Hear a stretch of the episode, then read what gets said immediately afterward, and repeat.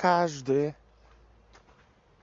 dla każdego osiągnięciem szczęścia jest co innego. Dzień dobry, Dawid Kowalkowski z tej strony. Zaczynamy naszą rozmowę o szczęściu, nasze przemyślenia, nasze wyciąganie wniosków. Wszystko zaczęło się, dzisiejszy nasz podcast, od mojej idei.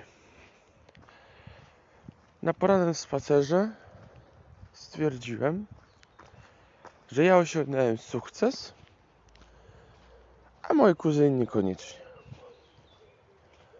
Ale za chwilę doszedłem do autorefleksji, ponieważ ja od samego początku, od małego, zawsze interesowałem się przedsiębiorczością, biznesem, tworzeniem firm już jako małolat miałem ogarnięty kodeks spółek handlowych.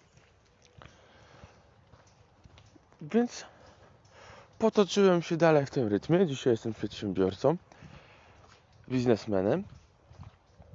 Zarabiam fajne pieniądze i w moim odczuciu osiągnąłem sukces.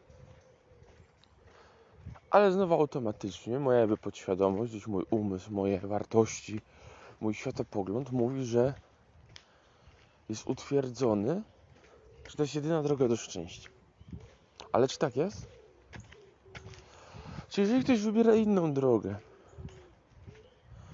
absolutnie niezwiązaną z biznesem, z pieniędzmi, z, z twórczością, albo ta twórczość jest zupełnie inna. Ja tworzę firmy, tworzę wszystko, otoczki wokół nich, sposób ich organizacji, jeżeli to są firmy produkcyjne, jak na przykład moja cukiernia, która produkuje torty, to wymyślam ich smaki, wymyślam ich zdobienie. Co oczywiście finalnie kończy się sprzedażą i zyskiem. Ale czy jeżeli ktoś inny, przykładowo, pisze wiersz, yy, ktoś inny może w ogóle nie jest twórcą, tu zachęcam i odwołuje się szybko do dynamiki bogactwa, która pokazuje 7 profili. Ja jestem kreatorem, a oczywiście oprócz kreatora jest 5 pozostałych profili ludzi, czyli kreator jest jeden, pięć jeszcze innych, czyli życie nie polega ani szczęście na wymyślaniu,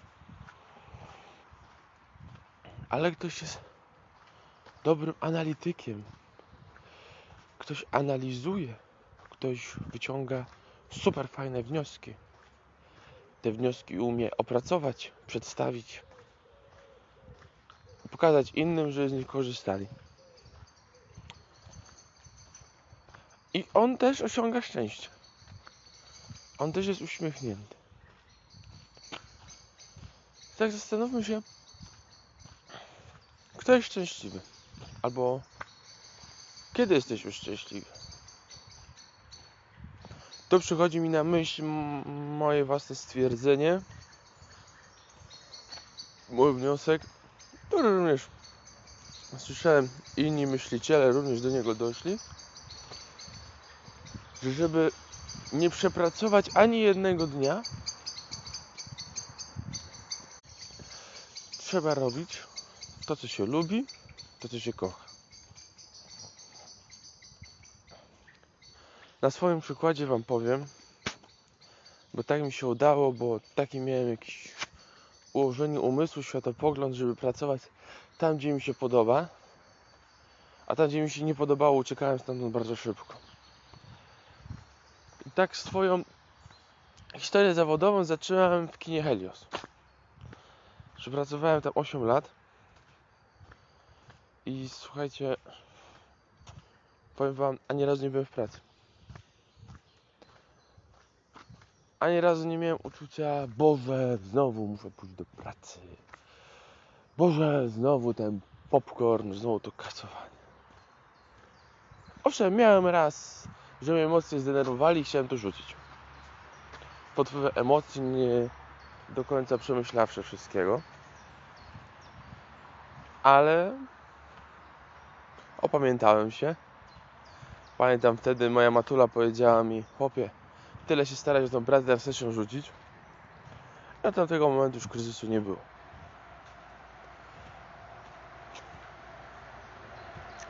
Dalej moje życie zawodowe się potoczyło różnie, troszeczkę chciałem poszukać czegoś lepszego, po drodze byłem w seminarium. To byłem w Playu, to mi nie pasowało. E, To byłem, pracowałem w BAMie, czyli w firmie produkującej wkładki do butów. Też mi się nie podobało. E, Bycie zamkniętym przez 8 godzin, nawet jak nie było roboty, to nie można było usiąść. Pracowałem rok w hurtowni instalacyjnej. Powiem wam, było fajnie. Ale chyba nie na tyle fajnie, żebym powiedział, że ani jednego dnia nie byłem w pracy. Także po małej aferce, która tam się wydarzyła, zostałem śmieciarzem. Ja tam się tego słowa nie wstydzę, po prostu jeździłem śmieciarką. Najpierw jako ładowacz, później zrobiłem kategorię C. I jeździłem już jako kierowca. I powiem wam, uwielbiałem tę robotę. Tak ją uwielbiałem, że przychodziłem do niej godzinę szybciej, żeby sobie pogadać z kolegami z pracy. Tak uwielbiałem tą pracę, że chętnie jeździłem pomagać innym na rejony. I może i pracowałbym dalej. Gdyby nie pozmieniały się tam dyrektorzy, pomysły moich tam przełożonych, to może bym tam pracował dalej, ale drogi się niestety rozeszły. Jak to się śmieje, dalej zostałem w odpadach, tylko zmieniłem rodzaj odpadów na ludzkie, czyli zatrudniłem się w firmie pogrzebowej w mega dużej, największej województwie. Firma robi po 130-150 pogrzebów miesięcznie, więc żadna firma krzak pogrzebowa mająca tam jeden karawan, dwa e, nie da rady. Nie da rady osiągnąć takiego wyniku. Są pół województwa lubuskiego, kawałek Wielkopolski, plus wyjazdy po całym kraju, takie spontaniczne, gdzieś na zlecenia, przewozy zagraniczne, full opcja, full content, wszystko. Tam się udało awansować. Jest wiele firm, byłem blisko przeróżnych awansów. Takich naprawdę wysokich. W Heliosie na przykład udało mi się tam e, zostać kinooperatorem. Ale to nie nazywam tego awansem, a bardziej przyuczeniem do nowego stanowiska. Byłem blisko bycia kierownikiem, nie wyszło. Enerisie, czyli na śmieciach, byłem blisko bycia dyspozytorem, też nie wyszło, ale w pogrzebówce już wyszło. Ja jestem, jestem logistykiem z wykształcenia, z zamiłowania, kocham planować. Więc planowanie pracy innych y, mam jak najbardziej we krwi.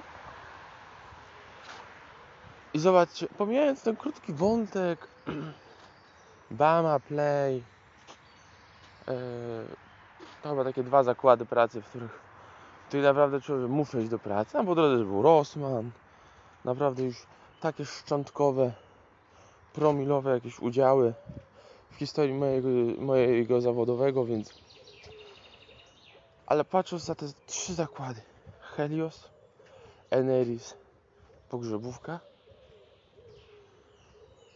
w tych trzech ani razu nie byłem w pracy.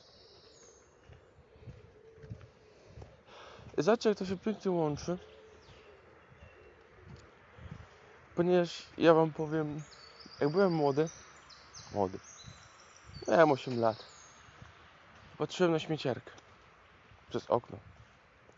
Miała numer boczny 33 taka pomarańczowy Mercedes. Co tydzień przyjeżdżała śmieci zabierała tak sobie myślałem fajnie by pracować na śmieciach. Wiecie, że kierowałem tą śmieciarką? Po 15 latach kierowałem tą śmieciarką. Miałem zrobić sobie zdjęcie ale niestety nie zdążyłem. Odwlekałem za bardzo zrobienie tego zdjęcia z tą śmieciarką żeby pochwalić się tą historią. W końcu poszła na złom Kiedy byłem już po komunii, czyli stałem ministrantem, ministra, ministranturę bawiłem się przez 12 lat. Zajebiście mi to kręciło. Naprawdę przychodzenie do kościoła godzinę szybciej, zostawanie tam, sprzątanie, układanie, czytanie, patrzenie jak to robią w Watykanie. Watykan jako symbol, źródło takiej liturgii doskonałej.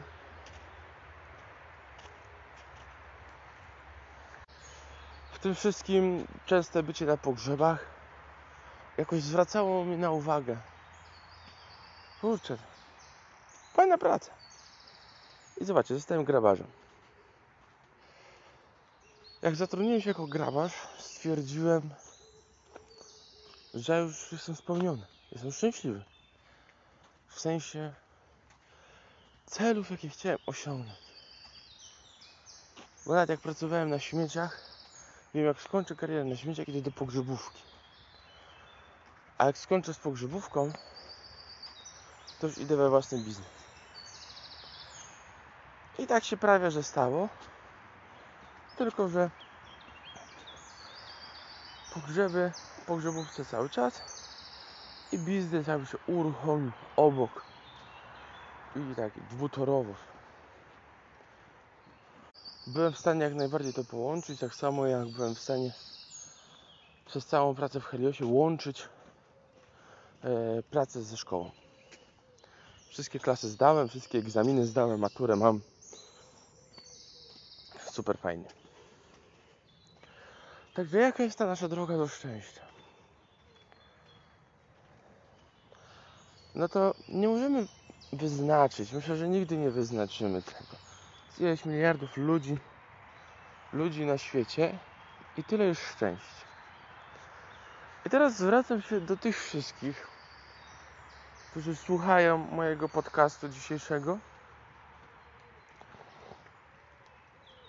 i którzy nie są szczęśliwi. Uważają, że nie są szczęśliwi. Uważają, że szczęście do nich nie należy. No jak nie? No jak nie?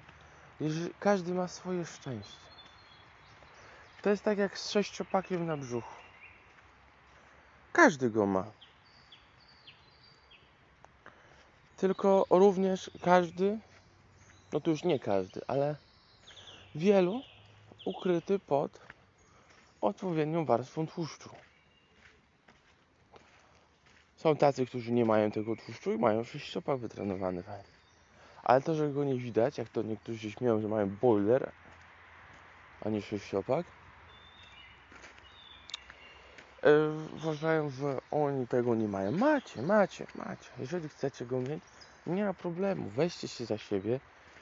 Yy, podstawowa zasada dietetyczna MZ, czyli mniej żreć. I wszystko jest elegancko i będziecie mieć tylko.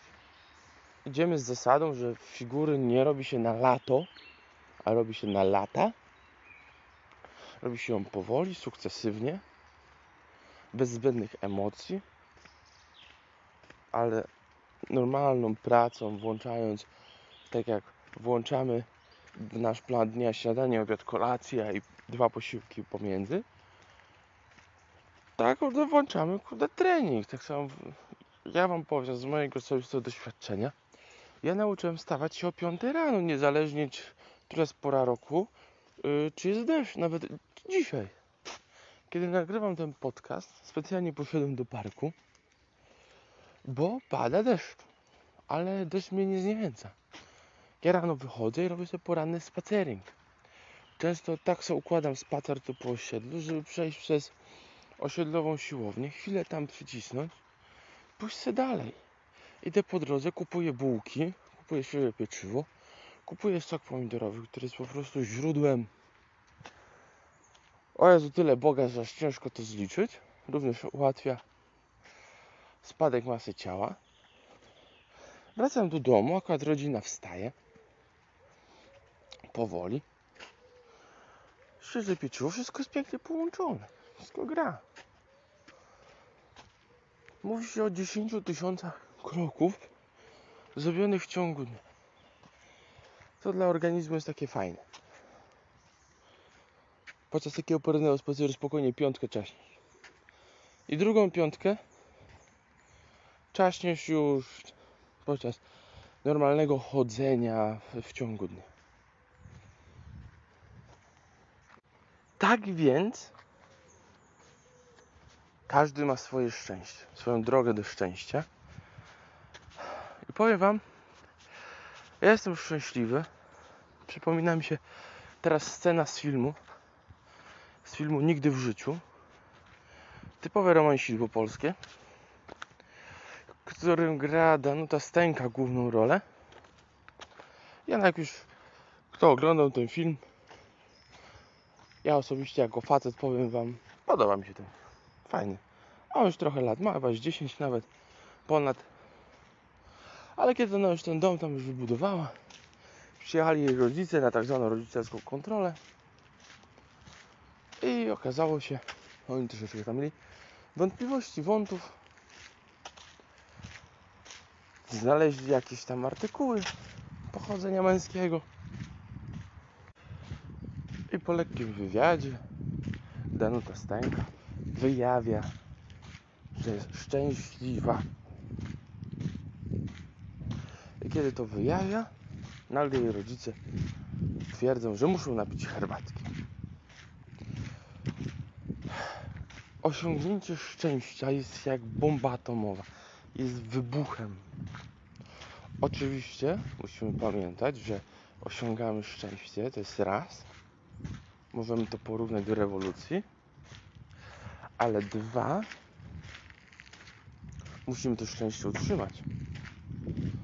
Musimy pracować nad tym szczęściem cały czas. Musimy pracować nad sobą. Tak więc dochodzimy do wniosku, że na całym świecie jest 5 miliardów? Nie jestem teraz pewien, czy dobrze pamiętam. 5 miliardów ludzi. Stawiamy znak równości. I na świecie jest 5 miliardów. Przyjmijmy tą, tą, e, tą sumę na poczet naszego podcastu. 5 miliardów szczęścia. Potencjalnie. Nieważne, czy jesteś Azjatem, Amerykaninem, Afrykańczykiem, Europejczykiem, bogatym, biednym, przebogatym czy przebiednym. Możesz być szczęśliwy w każdym stanie. Oczywiście wiele rzeczy nam się wydaje ciągu życia, w szczególności ludziom nieszczęśliwym wiecznie, wiecznie narzekającym, nieuśmiechającym się. Wiecznie mi się niestety wydaje, że gdyby to, to byłbym taki. Gdyby miał to, to byłbym taki. To byłbym bardzo szczęśliwy. To miałbym łatwiej w życiu. Gdyby to. Czy oni czekają na mannę z nieba? Twierdzę, że tak. Czy komukolwiek manna z nieba spadła? Podobno Izraelitom w Starym Testamencie. Mówię podobno, bo jest tylko i wyłącznie jedno źródło na ten temat. A dwa. Mogło to być użyte w Piśmie Świętym jako po prostu fajna przenośnia. Przenośnia tego, że Bóg dba o swój lud i zsyła im jakieś tam łaski.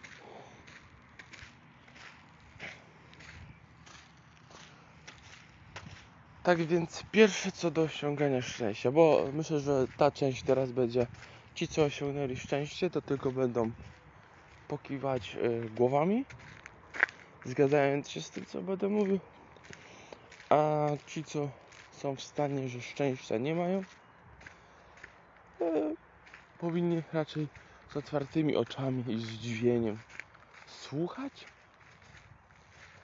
i może nawet notować i wprowadzać swoje życie. Bo jak już powiedzieliśmy, każdy ma swoje szczęście. Inaczej, każdy ma swoją drogę do szczęścia. Wracając do mojego przykładu, już jako dziecko to były pierwsze komputery Windows 9.5, 9.8, później Millennium. Kiedy mój tatko je instalował po kolei, jak tylko pojawiały się na rynku, tworzyłem w tych komputerach firmy. Oczywiście firmy tworzyłem. Tworzyłem bardziej ich wyposażenie na tamte życie. Wymyślałem sobie firmę transportową, wymyślałem sobie e, jakie będą jeździć samochody, wymyślałem sobie co będziemy wozić i tak dalej, i tak dalej. Gdzie cokolwiek mi się coś spodobało, to sobie to otworzyłem. Powiem wam szczerze, e, za dzieciaka mój tatko jeździł, jeździł tirem i, i, ja z nim bardzo często jeździłem i powiem wam, ja najwięcej firm wymyślałem właśnie jeżdżąc z nim, bo poznawałem nowe rzeczy. To tu zobaczyłem coś, to tu jakąś firmę zobaczyłem, to tu zobaczyłem jak, jakieś firmy, zobaczyłem jakąś maszynę, to tu, to tu, to tam. Ja woziłem ze sobą stado kartek i notowałem sobie jakie firmy. Później jak wracałem do domu, siadałem na komputerze, to Zobaczcie, on, robiłem, robiłem to, co od najmłodszych lat odkryłem, że mnie jara, cieszy. Ja w tym kierunku poszedłem. Czy chodzi o tworzenie firm? Nie. Tworzę organi- chodzi o organizowanie, o planowanie. Zobaczcie, jak to się wszystko u mnie połączyło fajnie. Od całego dzieciństwa. Później Yy, zaraz po komunii zostałem ministrantem. W tej ministranturze bardzo szybko się pouczyłem. Już umiałem ustawiać księgi liturgiczne, mszał, co na którą miałem. W ogóle miałem super nauczyciela, pan Jurek, który już jest świętej pamięci. Był genialny, zobaczył we mnie potencjał. Ja, wam, ja, ja przychodziłem do kościoła godzinę przed mszą, żeby sobie na spokojnie wszystko przygotować. Wszędzie wszędzie organizuję, planuję, rozwijam, wymyślam coś nowego. Yy, żyję według zasady, że to, co wymyśliłem dzisiaj, jutro nadaje się do poprawienia, do ulepszenia. Ja jestem 200% kreatorem, 200% logistykiem. Skończyłem szkołę logistyczną. I tak jak prezydent Duda powiedział, że on się ciągle uczy. On się ciągle uczy. On się wszędzie uczy. Tak analogicznie ja mogę powiedzieć, ja wszędzie coś planuję. Planuję, usprawniam. Jara mnie to naprawdę. Jara mnie to. Powiem Wam nawet na przykładzie życia rodzinnego. Ja ostatnio kilka dni temu doszedłem do wniosku, że kocham rozwiązywać problemy. Moja żona wręcz przeciwnie, ona uwielbia je tworzyć. Ja kocham je rozwiązywać. Jednym z dużych problemów w mojej rodzinie były obiady. Ja oczywiście jako facet chodzę do pracy, że tych obowiązków sobie coraz więcej dokładałem, to nie było mnie w domu praktycznie od rana do jakiegoś tam wczesnego popołudnia, po czym chwilę jakiejś tam przerwy, zjedzenie obiadu i później zajmowałem się tworzeniem biznesu i tak dalej.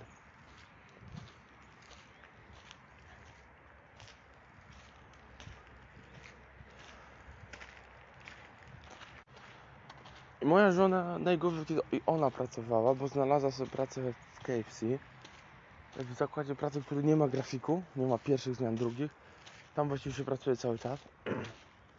Właśnie jakieś dziwaczne zmiany od 9 do 15, od 12 do 20. Pojebaństwo w chuj, że tak brzydko powiem. I ten okres między jedną ciążą mojej żony, a drugą ciążą mojej żony kiedy ona nie miała jak robić obiadu i ona po prostu nie robiła obiadu. Ona stwierdziła, że po prostu go nie zrobi dla mnie. Ja często sobie zamawiałem jakieś gotowce, co oczywiście kosztowało mnie dużo więcej niż ugotowanie obiadu. Pełno kłótni, pełno kłótni z tego powodu. Mówię w końcu, no trzeba to rozwiązać. Trzeba rozwiązać problem. Później moja żona zaszła w ciążę trzecią Trzeba rozwiązać ten problem. Nie może tak być, że. Bo kiedy moja żona jakby zakończyła pracę i poszła na macierzyński podczas ciąży, znowu codziennie dostawałem SMS, co na obiad. Ona nie ma pomysłu. No kochanie, no, no ja nie będę codziennie obiadów wymyślał. No.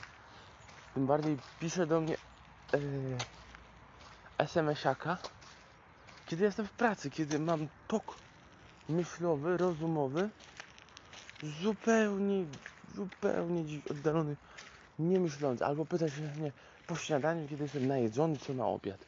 No jestem najedzony, mój umysł nie, nie myśli o jedzeniu dalszym. Jakbym był głodny, no to jeszcze może bym coś i wymyślił, na co mam ochotę. Wymyśliliśmy więc dekadówki. W przedszkolach mają dekadówki. Nasza dekadówka jest na cały miesiąc. Rozpisane obiady. I wiemy już z wyprzedzeniem, można powiedzieć całomiesięcznym, co danego dnia będzie na obiad. Ułatwiło to nam jednocześnie, że jak robimy, ustaliliśmy sobie zakupy raz w tygodniu takie większe, że mogliśmy te poniedziałki na tydzień do przodu kupować to, co na te obiady potrzebujemy. Później powstała dekadówka kolacji dla dzieci, ponieważ tu znowu był problem, że dzieci pracują codziennie na kolację do parówki, więc żeby nie miały tej monotonii, to została wymyślona też kolacja dla nich żeby mieli różnorodność. Przez to to dalej poprowadziło, rozwiązało problem troszeczkę złego wydatkowania pieniędzy, bo Natka czasami gdzieś kupiła jakieś mięso, później nie miała na nie ochoty, to je zamroziła. To w zamrażaniu leżało tak długo, aż data się skończyła i poszło do wyrzucenia. Pieniądze w łeb. Więc wprowadziło nam kolejne oszczędności. I to jestem ja. Przedstawiłem Ci siebie. Może z kilku, jak tu w tych podcastach opowiadam tak o sobie, może coś zaciągniesz do swojego życia. Bo ja w swoim życiu kocham rozwiązywać problemy, a też wiem, że wiele problemów u wielu rodzin się powtarza. Jak rozmawiam ze znajomymi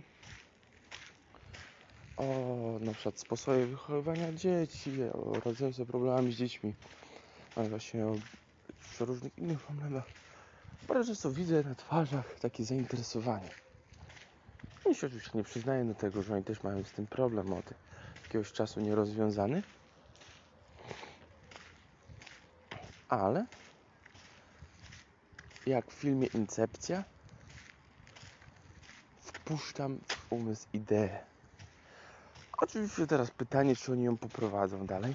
No, zupełnie abstrakcyjnym pytaniem, bo no jeżeli na przykład przykładowo nie mają wytrwałości, to pomimo, że zachwycą się jakąś ideą, to jej tam nigdzie nie poprowadzą. Nie rozciągną jej, nie rozwiną. Wracamy. 5 miliardów szczęść na ziemi. Tak samo jak 5 miliardów sześciopaków. Ładnych brzuszków, szczupłych. Odwołuję się teraz do mojej książki, yy, która w trakcie pisania, yy, w trakcie nagrywania tego podcastu jest w trakcie pisania, ale już pierwsze rozdziały powstały. Yy, to jest właśnie o planowaniu dziecka, planowaniu rodzicielstwa. Bardzo ogólnie, ale w jednym fragmencie mówię w tej książce o znaj... tam może nie stricte o znajdywaniu szczęścia, ale to się bardzo, bardzo łączy ze sobą. E, ponieważ tam mówi o tym, że dziecko, wychowywanie dziecka, to kim ono będzie w przyszłości, jakie będzie miało wartości i czy będzie i jakie one będzie pasje uwydatniało, pojawia się bardzo szybko. Pojawia się w wieku dwóch lat, półtora roku nawet. Ja widzę na przykładzie mojego syna, który w tej chwili ma dwa lata. Bob budowniczy, dźwigi, koparki, maszyny. To jest po prostu wszystko. To jest po prostu jego kraj. Nie ma, nie ma szans, dziurką od nosa wyczuje ładowarkę, koparkę, żuraw, jakieś inne maszyny budowlane. Żeby to rozwijać, postanowiliśmy pojechać całą rodziną na targi budowlane. Tam mógł wsiąść do koparki, mógł, żebyśmy mogli mu zdjęcie tam zrobić. Wtedy odłożyliśmy ten pomysł na razie. Mam nadzieję, że w któryś z następnych odcinków podcastowych Wam opowiem e, jaki był rezultat tego wyjazdu. Myślę, że, że będzie ten rezultat na pewno pozytywny. Dlaczego tak myślę? To jest, to jest pomoc właśnie dzieciom w realizowaniu pasji. Rodzic. Mnie kurka wodna zmienię teraz temat, ale muszę to powiedzieć. Mnie kurka wodna denerwują ro- dzisiejsi rodzice, bo poprzednie pokolenie, czyli pokolenie moich rodziców, to kiedy rodzicom, ich rodzicom, moim dziadkom się nie chciało ich wychowywać, to dostawali kopa w dupę, wypad na dwór.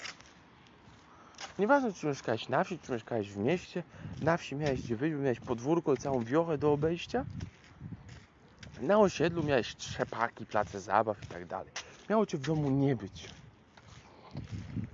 To skończyło się niestety, że wiele naszych rodziców jest jałowych. Wielu naszych rodziców jest niestety jałowych, nie mają wytworzonych własnych pasji, sami nie są szczęśliwi, relacje z rodzicami są połocinane, jak na przykładzie mojego tatusia. Jest po prostu masakra, są nierozwinięci do końca.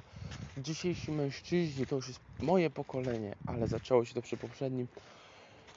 Nie są mężczyznami, są chłopcami cały czas, którzy nie potrafią wziąć odpowiedzialności ani za siebie, ani za ewentualne partnerki, które sobie gdzieś tam znajdują, ani tym bardziej za dzieci, które przy okazji zrobią. Mam wrażenie, że wiele dzieci jest robionych przy okazji. Ja powiem, żadne z moich dzieci nie było zrobione przy okazji. Dowodem na to jest, że u mnie dzieci pojawiają się dokładnie w, regula- regularnym odstępie co dwa lata. Jest dziura między Julką a Tomkiem. Jula ma 6 lat. Później powinno być, te, powinna mieć jakaś dzidzia 4 lata. Nie ma dzidzi, bo Natka poroniła. No, przy 2 lata jest Tomek i teraz po dwóch latach urodziła się Jagoda. I ja już ze swoją żoną już gadałem o tym, że za 2 lata będzie czwarta dzidzia. To jest planowanie rodzicielstwa świadome. To jest planowanie rodzicielstwa. To jest rodzicielstwa i wychowania dzieci. Że ty obserwujesz to dziecko od samego początku. A nie przez pierwszy rok, kiedy ono jest takie ciu, ciu, ciu, ciu, to fajnie, bo ty na rączkach ponosisz, bo ono się nie odzywa, pampera zmienisz.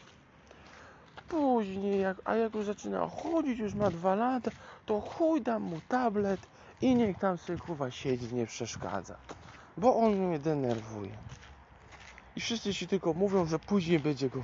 Nie, później nie będzie gorzej, bo pójdzie do szkoły, 8 godzin w szkole, i przyjdzie do lekcji, to tylko kolację i spać. Nie kurwa, zniszczysz to dziecko. Ale się teraz zdenerwowałem. Ale to temat rodzicielstwa, wychowania dzieci to jest temat, który mnie interesuje jara od dawna. Taką anegdotkę wam szybko opowiem. Byłem ciekawym klerykiem w seminarium. Mogliśmy brać z biblioteki siostra zakonna, która e, opiekowała się, siostra Jadwiga, która opiekowała się tą biblioteką. Takie książki, no, które już nie miały swojego miejsca na półce, a miała ich bardzo dużo, bo bardzo dużo książek dostawała w prezencie od różnych ludzi, różnych instytucji. Dawała na półeczkę, można było brać sobie na zawsze te książki. Wszyscy klerycy brali teologia, homiletyka, jak pisać kazania, fantastyczni księża po prostu, kurwa święcić, święcić od razu, na pierwszym roku. Po co te pozostałe pięć? Święcić na pierwszym roku. Wszedłeś do mojego pokoju. Książki od siostry Jadwigi. E, wychowanie dziecka, planowanie rodziny, jak pogodzić się w małżeństwie, e, mediacje w rodzinie, sakrament małżeństwa w aspektach. Wszyscy się dziwili, ty idziesz na księdza? Może dlatego zrezygnowałem. Bo poczułem swoją misję poza kościołem.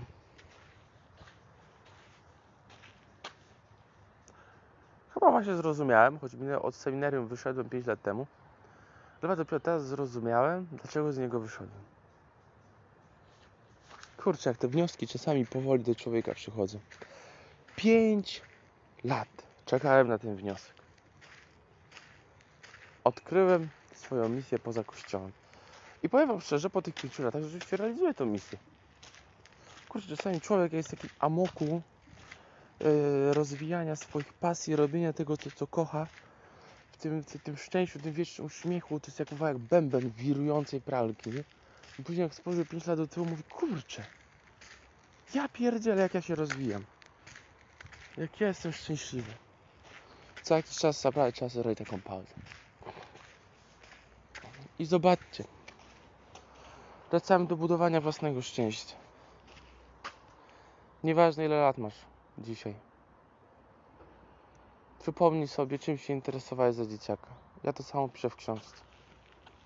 Wszystkim rodzicom, którzy albo planują rodzicielstwo, albo są już rodzicami, żeby jeszcze do końca nie zniszczyli życia e, swoim dzieciom.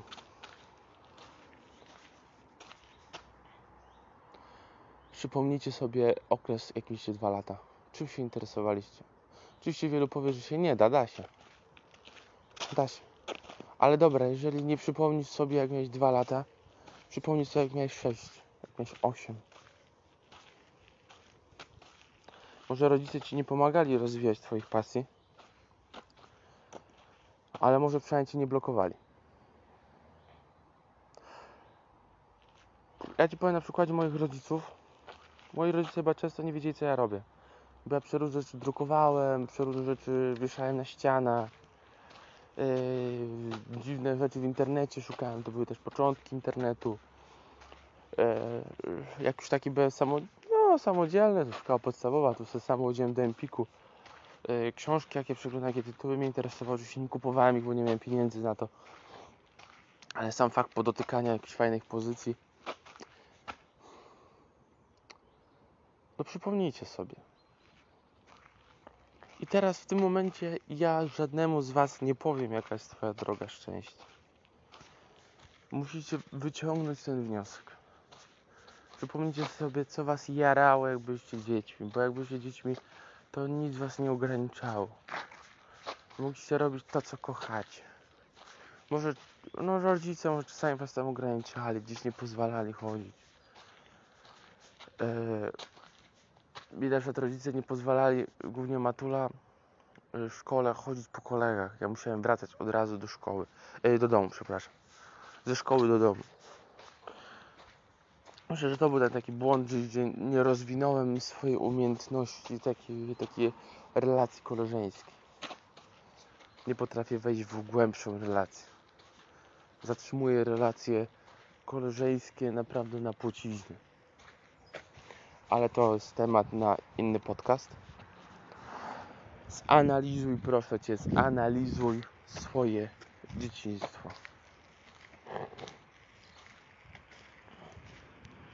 Kiedy je zanalizujesz, kiedy dojdziesz już do swoich wniosków, spójrz na swoje życie, które masz teraz. Now, dzisiaj prześleć ten okres między tym, co dzisiaj, a swoim dzieciństwem.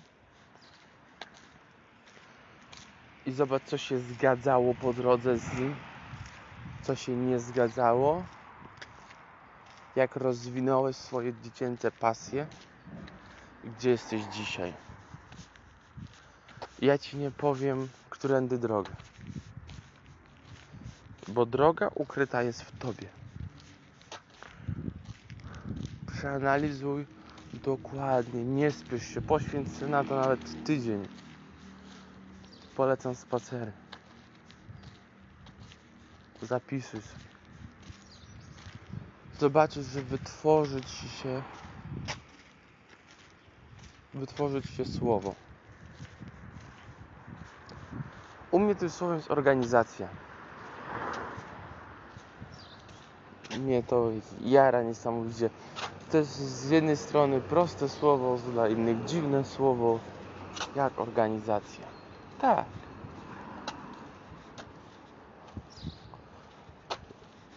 Organizacja nie kończy się na codziennym kalendarzu. Organizacja, ja na przykład za dzieciaka, moim zadaniem było byłem ja i jeszcze moja piątka kuzynów. Spotykaliśmy się na urodzinach, imieninach rodzinnych, na świętach. To była moja wyłączność. Ułożenie sztuczcy, talerzy, całej zastawy na stole. Wiecie, że się z pasją tego uczyłem? Który, który widelec do czego? Łyżka, talerz, duży, mały. Ja bardzo dużo kombinowałem. Bardzo często babcia i mama mnie hamowali. Nie, nie wystawiaj tego. Nie dawaj łyżek, bo nie ma zupy. A ja tak bardzo chciałem to zorganizować na najwyższym poziomie. Zobaczcie takie, takie proste rzeczy z dzieciństwa. Myślę, że większość dzieci dostaje e, ułożenie e, zastawy stołowej. Moja Julka też dostaje. Moja Julka też dostaje zastawę stołową do zrobienia. Ale ja nie widzę w niej pasji, więc raczej to nie będzie jej kierunek. Bo robi to na opak, robi to byle jak, nie robi tego z pasją. Ale ma rzeczy, które jak najbardziej robi z pasją widzę, że w tym kierunku idzie. Tomeczek jest jeszcze mały, ma dwa lata, więc jak na razie tylko zauważamy jego zainteresowania, jakie są maszyny budowlane. Odkryj to, a będziesz szczęśliwy, poznasz swoją drogę. Odkryj to słowo. Tego Ci życzę na całe Twoje życie. A na koniec, kiedy będziesz wiedział, że jesteś szczęśliwy? Znasz uczucie motyli w brzuchu? Znasz uczucie zakochania? Jak będziesz szczęśliwy, to praktycznie codziennie będziesz czuł się zakochany. Będziesz krzyczał, jakie mam zajebiste życie. Będziesz krzyczał mówiąc Jest! Jestem zwycięzcą prawdziwym. Nie tym udawanym, gdzie coachowie każą gadać, że jestem zwycięzcą, aby cię przekonać do tego, że jesteś silny. Ale powiesz, jestem zwycięzcą sam z siebie, bo zwyciężyłem swoje życie. Our life.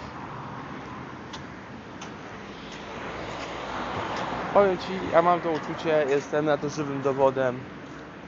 Znam ludzi, którzy żyją swoją pasją, codziennie z zaangażowaniem. Nie są mierni, nie są byle jacy, ale są pełni energii, są szczęśliwi, uśmiechnięci. Coach Mike. Wiele razy go będę przytaczał, bo jest super człowiekiem i też fajne rzeczy mi powiedział. On to mówi a propos marzeń, ale na swoim przykładzie swojego życia widzę, że to nie tylko o marzenia chodzi. Kiedy ludzie się z ciebie śmieją, to jest znak dla ciebie, że robisz dobrze. On to powiedział a propos marzeń. Że jeżeli ludzie śmieją się z Twoich marzeń, to bardzo dobrze. Bo to są Twoje marzenia, nie ich. Oni Cię nie rozumieją, dziwią się, śmieją się z Ciebie, pukają się po głowie, a Ty miej to w dupie i rób swoje, bo odkryłeś to, do czego chcesz dążyć. Powiem Wam, na początku swojej działalności z tortami, abyś zobaczył mój pierwszy tort, którego do dzisiaj się wstydzę, że wziąłem za niego pieniądze. Byś nie powiedział, że będę robił torty jak kiedyś. Chcesz zobaczyć, jakie robię torty? Zapraszam na Facebooka. Domowa manufaktura ciast by Dawid Kowalkowski. Pierwszego tortu to nie zobaczysz, nie ma szans. Ale zobaczysz moje dzisiejsze torty i uwierz mi, zrobiłem przeskok milowy.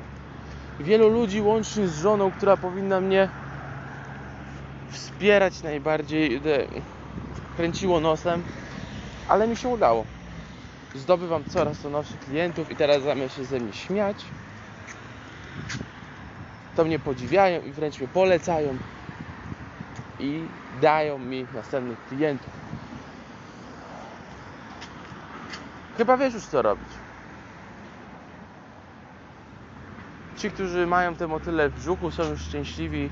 Myślę, że zgadzają się ze mną, kiwają głowami. Tak, ma rację. To jest to uczucie tych motyli w brzuchu, tego wystrzału energii.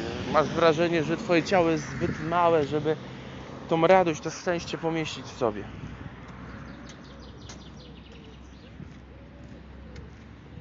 A ci, którzy to szczęścia szukają, szukajcie go wytrwale. Bo powiem Wam, pracując w branży pogrzebowej, wystarczająco napatrzyłem się na ludzi, którzy umierają miernie. Żyli miernie, umarli miernie. Nawet za bardzo nie było zainteresowania z niczyjej strony, żeby go pożegnać, przyjść na pogrzeb. Były to pogrzeby bezosobowe. Dwie osoby przyszły, przyniosły dwa sztuczne kwiatki i zapomnieli.